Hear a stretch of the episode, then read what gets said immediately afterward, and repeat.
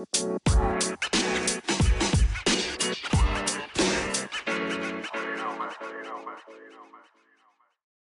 hey, super tof dat je luistert naar een nieuwe aflevering van de Positief met Pubers podcast. Mijn naam is Janneke en dagelijks beantwoord ik allerlei vragen via mail en DM van ouders die struggelen met dingen in de opvoeding van hun puber. Ik beantwoord deze vragen en in de podcast behandel ik elke aflevering een vraag met jou. Ik geef je mijn visie en ik neem je mee in mijn dagelijks leven. Mocht je dat nog niet gedaan hebben, abonneer je dan op deze podcast, zodat je geen aflevering meer mist. En als je deze podcast tof vindt, geef het dan zoveel mogelijk sterren of een positieve review. Hoe meer positieve reviews, hoe meer platforms als Spotify en Apple Podcasts deze podcast gaan aanbevelen aan andere ouders die deze podcast nog niet kennen. Daardoor kan ik groeien met deze podcast. Maar wat ik nog belangrijker vind, daardoor kan ik nog meer ouders bereiken die met soortgelijke struggles zitten als dat jij misschien zit. Je zou me enorm plezier mee doen. Dus dank je wel alvast. En nu gaan we gauw beginnen. Hi en welkom weer bij een nieuwe aflevering van de Positief met podcast. Vandaag wil ik het met je gaan hebben over stress. Stress bij je puber, misschien ook stress wel bij jou. En uh, aanleiding hiervoor is, uh, nou ja, volgende week start ik weer met de Puber Challenge. En uh, ja, een hele waardevolle challenge voor 21 dagen, maar daar kom ik straks nog even op.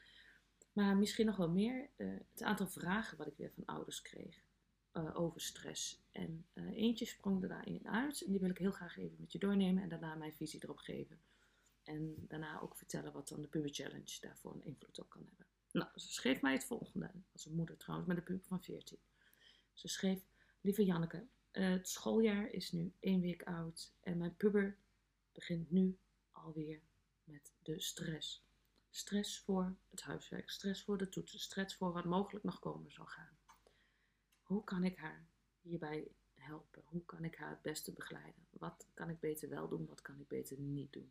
Nou, ik denk een hele, hele herkenbare. Misschien dat je puber nu nog niet ervaart, maar dat dat wel uh, de komende tijd gaat gebeuren. Bijvoorbeeld wanneer nou, er een toetsweek aankomt uh, rond oktober. En ehm, nou, wat ik deze moeder heb gezegd, wil ik heel graag met je delen.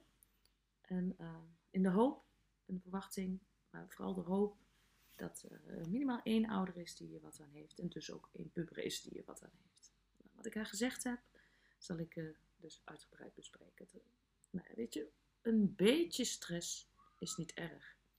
Weet je, als je kijkt maar eens voor jezelf. Wanneer jij een beetje stress ervaart, thuis of op het werk, dat, dat, dat doet iets met je. Dat, die, die, die, adrenaline shot, zo noem ik het even. Ik weet niet of het echt adrenaline is, maar het, het, geeft je, in ieder geval mij, een, een, een, soort van hyperfocus. Een soort van efficiëntie, uh, focus, uh, alertheid, waardoor ik, nou ja, in de meeste gevallen beter presteer omdat ik me zo focus op dat stuk, door, mede door de spanning die het oproept en het excitement en de, misschien ook wel stress, kan ik beter presteren. Maar mijn moeder zei altijd, te veel is nooit goed. Behalve te braken, dat is mijn moeders meisjesnaam. ik weet niet of jullie dat grappig vinden, maar ik vond het altijd heel erg grappig. Maar wat ik daarmee wil zeggen is, te is niet goed. Te veel stress is niet goed voor je lijf en zeker ook niet goed voor je brein. Het, het, gaat gewoon invloed hebben op, nou ja, op je, je brein in de vorm van verminderde concentratie, uh, je prestaties, omdat je zo druk bent met de dingen waar je geen controle over hebt. Heeft dat invloed op je focus, op je, dus ook op je concentratie. En laat dat net hetgeen zijn wat je nodig hebt om die prestatie wel te kunnen leveren. Dus dat voelt misschien heel erg dubbel. Te veel stress is niet goed voor je lijf en niet goed voor je brein. Dan gaat het invloed hebben op je concentratie en je prestatie. En laat dat dus, naast dat je het graag goed wil doen, veel stress geven.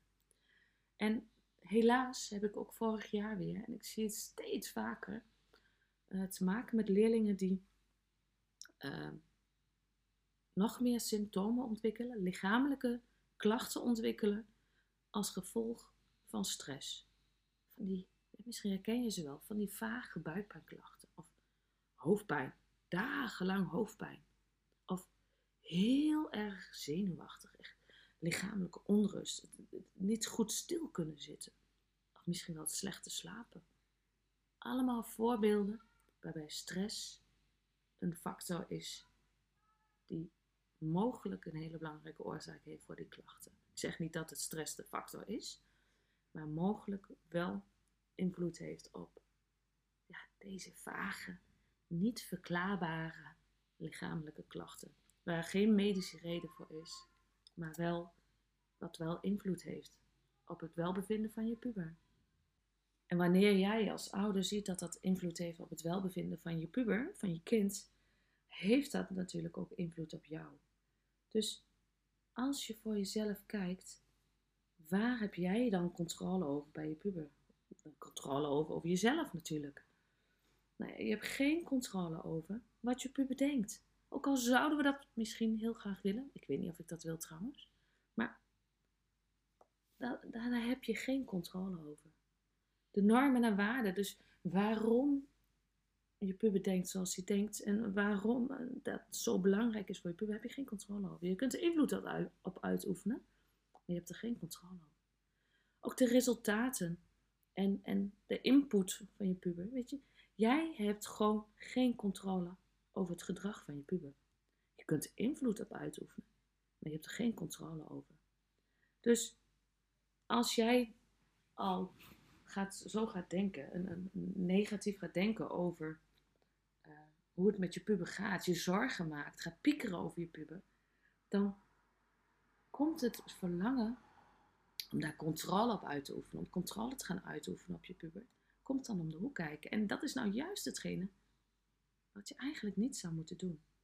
Want wij willen controle hebben over eigenlijk alles in ons leven. En dat voelt veilig. Dat geldt voor jou en dat geldt zeker ook voor je puber. Dus als je het dan hebt over controle hebben en, controle willen uitoefenen op je puber, dan uh, kijk dan eens eerst naar jezelf. Waar kun jij wel controle op uitoefenen? Hetgeen wat je zegt tegen je puber, begin daar eens mee.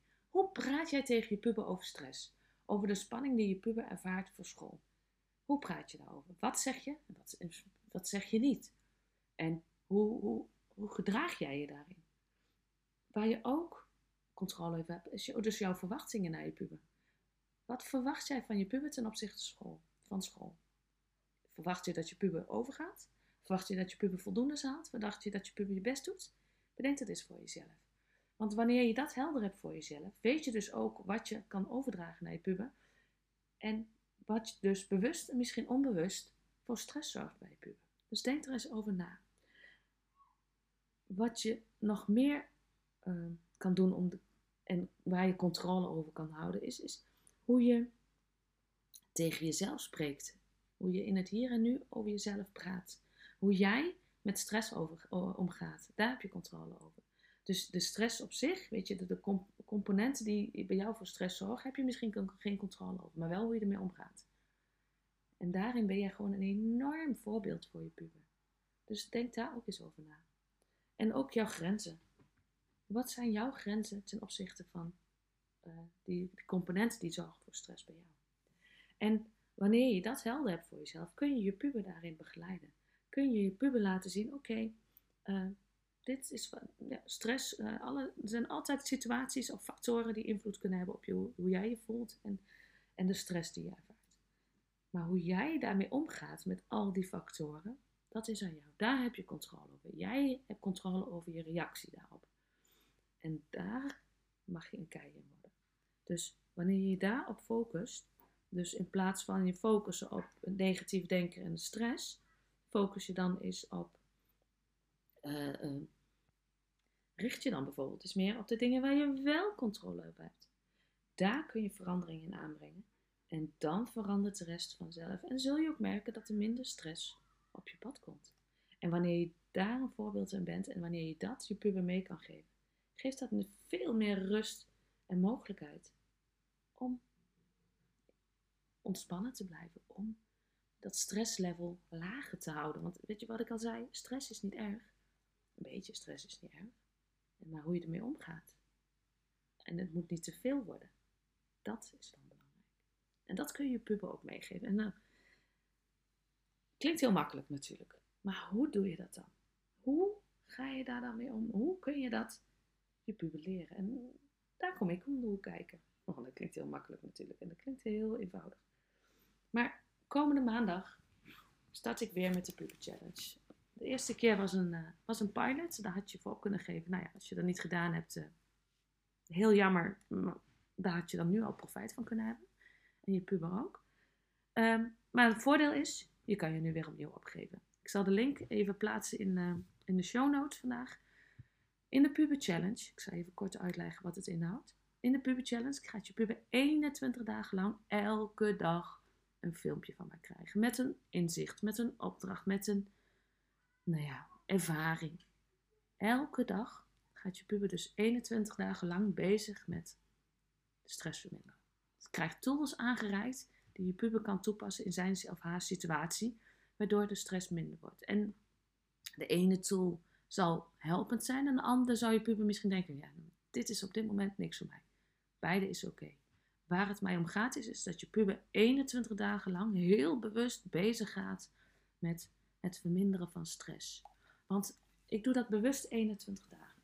Ik heb het wel eens verteld. Wanneer je je gedrag wil veranderen, want om uh, stress, een stresskipje zijn, noem het even zo, is een, een gedrag, is een overtuiging. Wanneer je je gedrag wil veranderen, duurt dat meer dan 60 dagen. Maar die eerste 21 dagen is mega belangrijk. Want dan zet je je intentie, dan zet je je doel en dan ga je heel bewust bezig met het shiften van je oude gedrag naar het gedrag wat je wil. Dus van dat stresskipje zijn naar minder stress ervaren. Wanneer je daar 21 dagen heel bewust mee bezig gaat en support krijgt van je omgeving, zegt dat je er goed mee bezig bent, nou ja, dat is dan jouw taak. Wanneer je daar dan die 21 dagen mee bezig gaat en na die 21 dagen je wel bewust blijft van oké, maar dit is wat ik wil. En dan blijft oefenen, oefenen, oefenen, oefenen, oefenen elke dag. Dus elke dag wel mee bezig bent, zal je merken dat het op een gegeven moment een gewoonte is en het nieuwe gedrag wordt. Dat is wat je wil. En die eerste 21 dagen, daar ben ik. Daar is die puber challenge. Daar gaat je puber de eerste hele belangrijke stappen zetten om het gedrag te veranderen. En ik kies er bewust voor om dat nu te doen, omdat ze nu nog niet die stress en die spanning ervaren. Dus dan zal je puber denken, ja, interesseert me nou ik heb er nergens last van. Maar aan de andere kant, nu ben jij dan in ontspannen en in rust. En ben jij, is je puber, en jij mogelijk ook, veel relaxter, waardoor je deze informatie juist veel gemakkelijker tot je kan nemen. En daardoor ook weer de voordeel uit kan halen op de momenten dat het wel nodig is. En daarom kies ik ervoor nu die puber challenge te doen. Daarom is dit zo belangrijk. Dus geef jij je puber die kans en die ruimte en die mogelijkheid om nu de tools te leren. Als jij zegt nu zeg ja, dat doe ik. Ik ben zo'n oude die dat zijn of haar puber gunt. Meld je dan nu aan voor de Puber Challenge en dan gaan we maandag samen aan de slag. Link vind je in de show note. Ik kijk er heel erg naar uit om jouw puber te ontmoeten. En ervoor te zorgen dat jou, het leven van jouw puber wat relaxter en tussen haakjes wat gemakkelijker wordt als het gaat om stress. Oké? Dit was hem voor vandaag. Ik hoop dat de podcast weer waardevol voor je was. Mocht je er iets uitgehaald hebben, deel dat dan met iemand die hier wat aan kan hebben. Deel deze podcast met de mensen waarvan jij zegt: Oh, die hebben een puber die stress ervaart. Daar maak je mij heel erg blij mee. Dan maak je die ouders ook heel erg blij mee. Mocht je zelf een opmerking, een vraag of wat dan ook hebben, stuur me dan even een berichtje via Instagram. Dan kan ik heel graag met je in verbinding komen en met je connecten. Want dat is mijn doel. Dat is waarom ik doe wat ik doe. Elke dag één ouder verder helpen om het leven van hun puber wat makkelijker te maken en de puberteit voor jouzelf verdraaglijker te maken. Dankjewel voor het luisteren. Ik spreek je heel graag de volgende keer weer.